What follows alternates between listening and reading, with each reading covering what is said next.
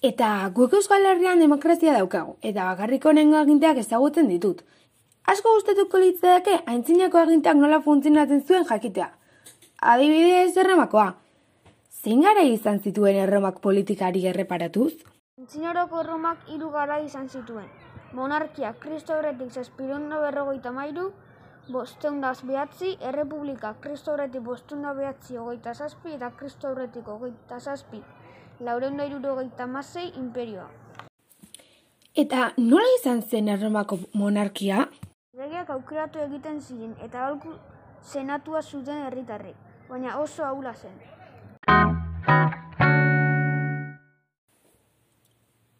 Nola hasi zen erroma? Zein izan zen bertako lehen erregea?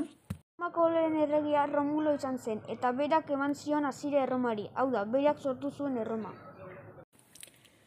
Zer gertatu zen Romulo hiltzenean?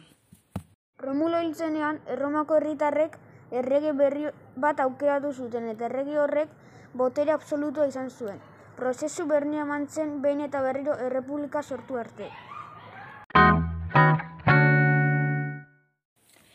Erromako monarkia maitzean, esan duzu errepublika hasi zela, baina nolakoa zen errepublika hori? Erromako Republikan asamble bat zegoen, eta bertan hiritar guztiek, hau da, hiriko gizonek, bozkatuz magistroak aukeratzen zituzten. Senatua izeneko pertsona talde bat ere bazegoen. Hau hiritar garrantzitsuenek osatzen zuten. Hauek magistroak aholkatzen zituzten. Senatariak hasieran goi mailako gizarte partaidak ziren, baina gero hiritar guztiei zabaldu zitzaien eskubide hori. Eta bizi guztirako kargoa zen.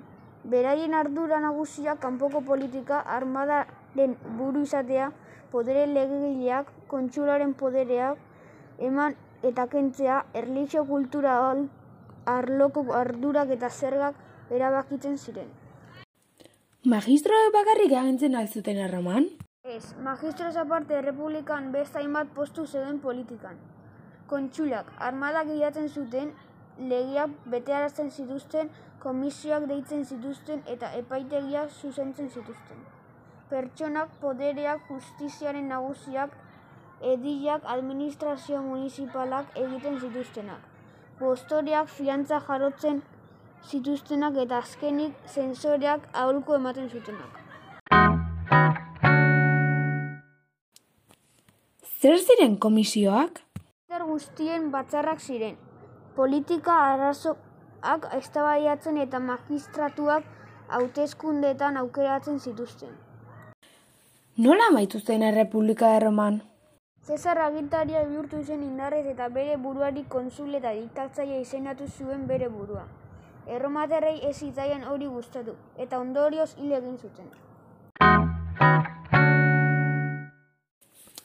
Errepublika eta gero lehen aipatu duzu imperioa egon zela ez da?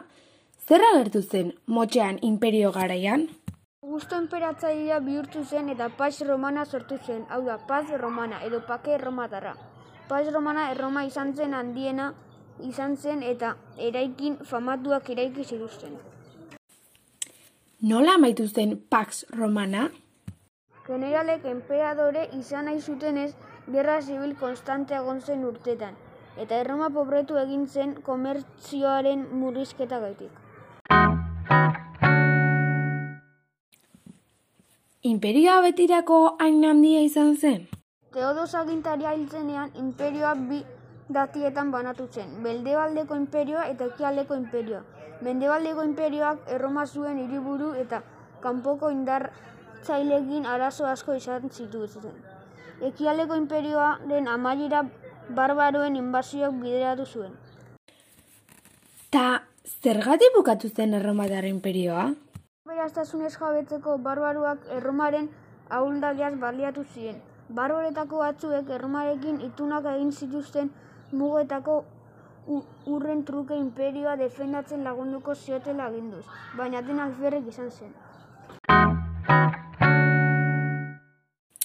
Bueno ba, eskerrik asko nire galderei erantzutagatik, hau izan da dena. Oso esperientzia interesgarria izan da. Berdin. Oso ondo pasatu dut zurekin hitz egiten. Oso galdera interesgarriak egin dizkidazu. Egun hona izan.